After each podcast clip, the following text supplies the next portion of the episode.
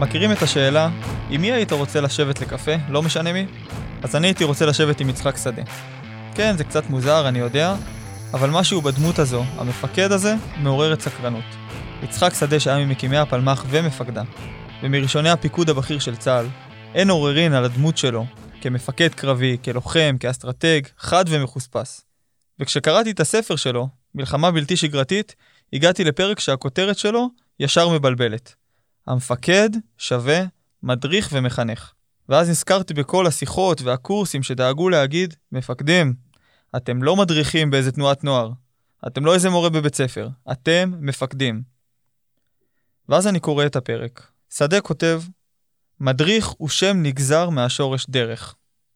ואז אני חושב, איך הוא מתאר בדרך יפה, וגם קשה מאוד, איך האנושות והמדינה עוברת דרך של מצד אחד בנייה ויצירה לצד מלחמות וקרבות, ושאנחנו, לוחמים, חיילים, מפקדים, צריכים לעבור בדרך הזאת. והדרך הזאת היא דרך שההליכה בה, כמו בטיול, מי שמוביל אותה זה המדריך. ולמדריך אחריות גדולה. החיים של ההולכים בעקבותיו הרבה פעמים תלויים בו.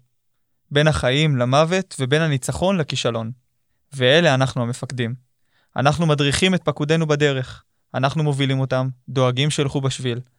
אנחנו, כמו המדריך טיולים הזה, מסבירים מה הם רואים בדרך, עוזרים לדחוף בעליות, עוזרים לקום בנפילה.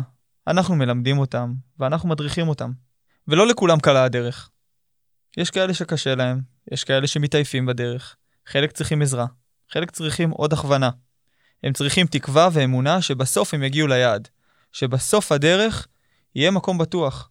אנחנו חייבים להפסיק להירתע ולחשוב שמפקד הוא רק מפקד. מפקד הוא גם מחנך, גם מדריך, גם האבא, גם האימא. בעבר חשבו שפקודה מספיקה לבדה. אז אני אסיים במה שכתב יצחק שדה. הצבא בימינו אינו דומה יותר למכונה. הוא דומה יותר לתזמורת צימפונית. ותזמורת טובה, גם היא צריכה לבצע עבודה מדויקת. הצבא, כתזמורת, מורכב מכלים שונים. לכל כלי וכלי אופי משלו. וכל מנגן צריך לדעת את הכלי שלו, לאהוב אותו, ולהשקיע בו את כל כולו, כדי להפיק ממנו את כל הפוטנציאל הטמון בו.